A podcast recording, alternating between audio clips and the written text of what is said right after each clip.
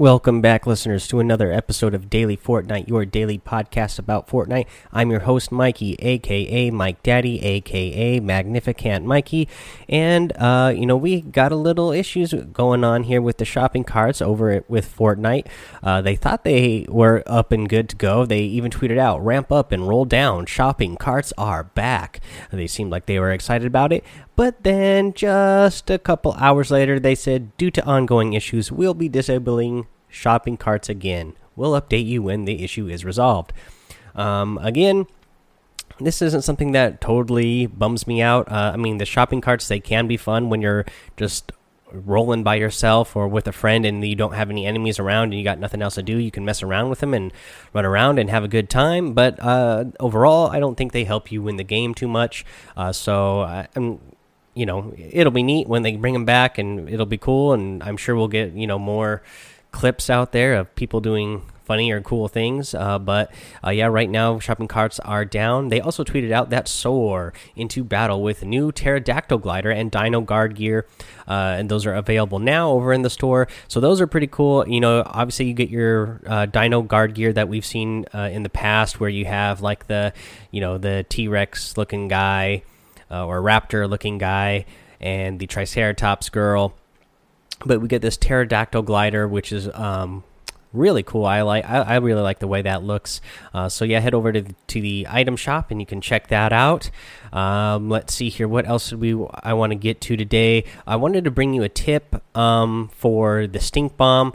I would definitely be carrying these guys. Um, you know, we got we got the nerf uh, with the with the rocket launchers and the grenade launchers, how many you can carry. You know, you can only carry up to 12 ammo now.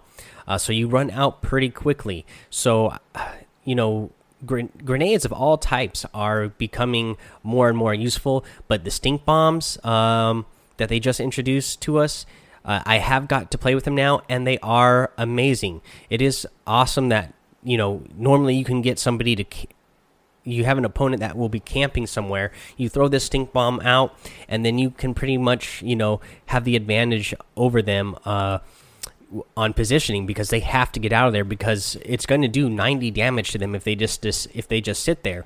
So it's pretty much going to you know it's going to almost kill them. If even if they have full health um, again it's doing uh, direct uh, damage to the health. It skips the skips the shield. Uh, so uh, they're going to be in a bad situation no matter what. Now, uh, the other thing I would say is, you know, again, the other with the with the nerf of the rocket ammo that you can hold, um, I would say it's it is a lot more important to be holding um, other explosives. Um, you know, uh, for the for the end game, uh, the C4 is really OP right now because it can take down somebody's fort um, pretty much with you know one C4. You're pretty much going to take them down and they'll be exposed again. I've gotten a lot of people um, this way just just for the fact they're not expecting it.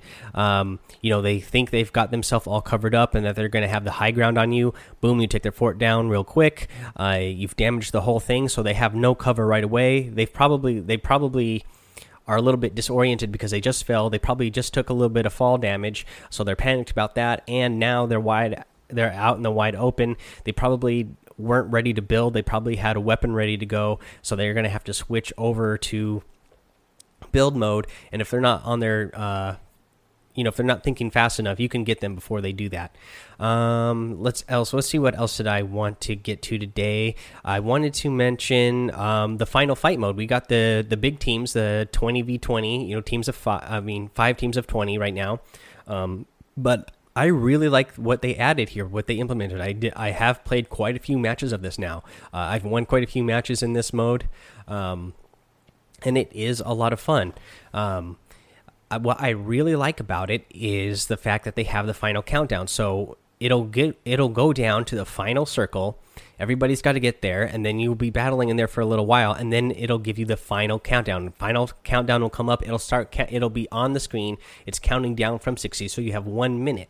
One minute left to go eliminate your opponents or be eliminated yourself so that there is a winner. Nobody is just camping, sitting around, waiting for something to do, or just waiting for the storm to close in. It makes it so exciting. It makes that makes for a lot more action in the end game. Your people aren't just camping around, sitting around the campfires in the storm, using the bandages in the storm, using the med kits in the storm just to outlast their opponent.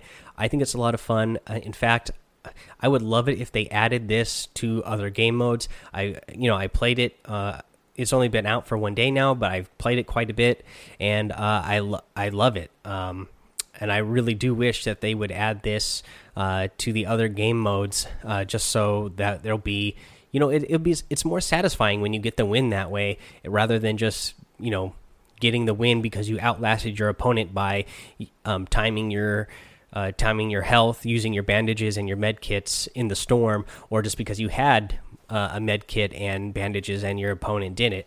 Uh, it actually makes it so everybody has to use a little bit more skill to actually get the win at the end of the game. Um, yeah, so I actually created a Twitter poll for that.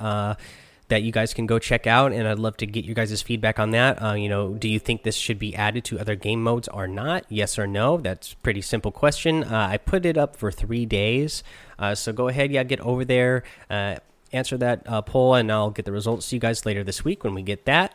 Um, let's see here. I have a new iTunes review here today.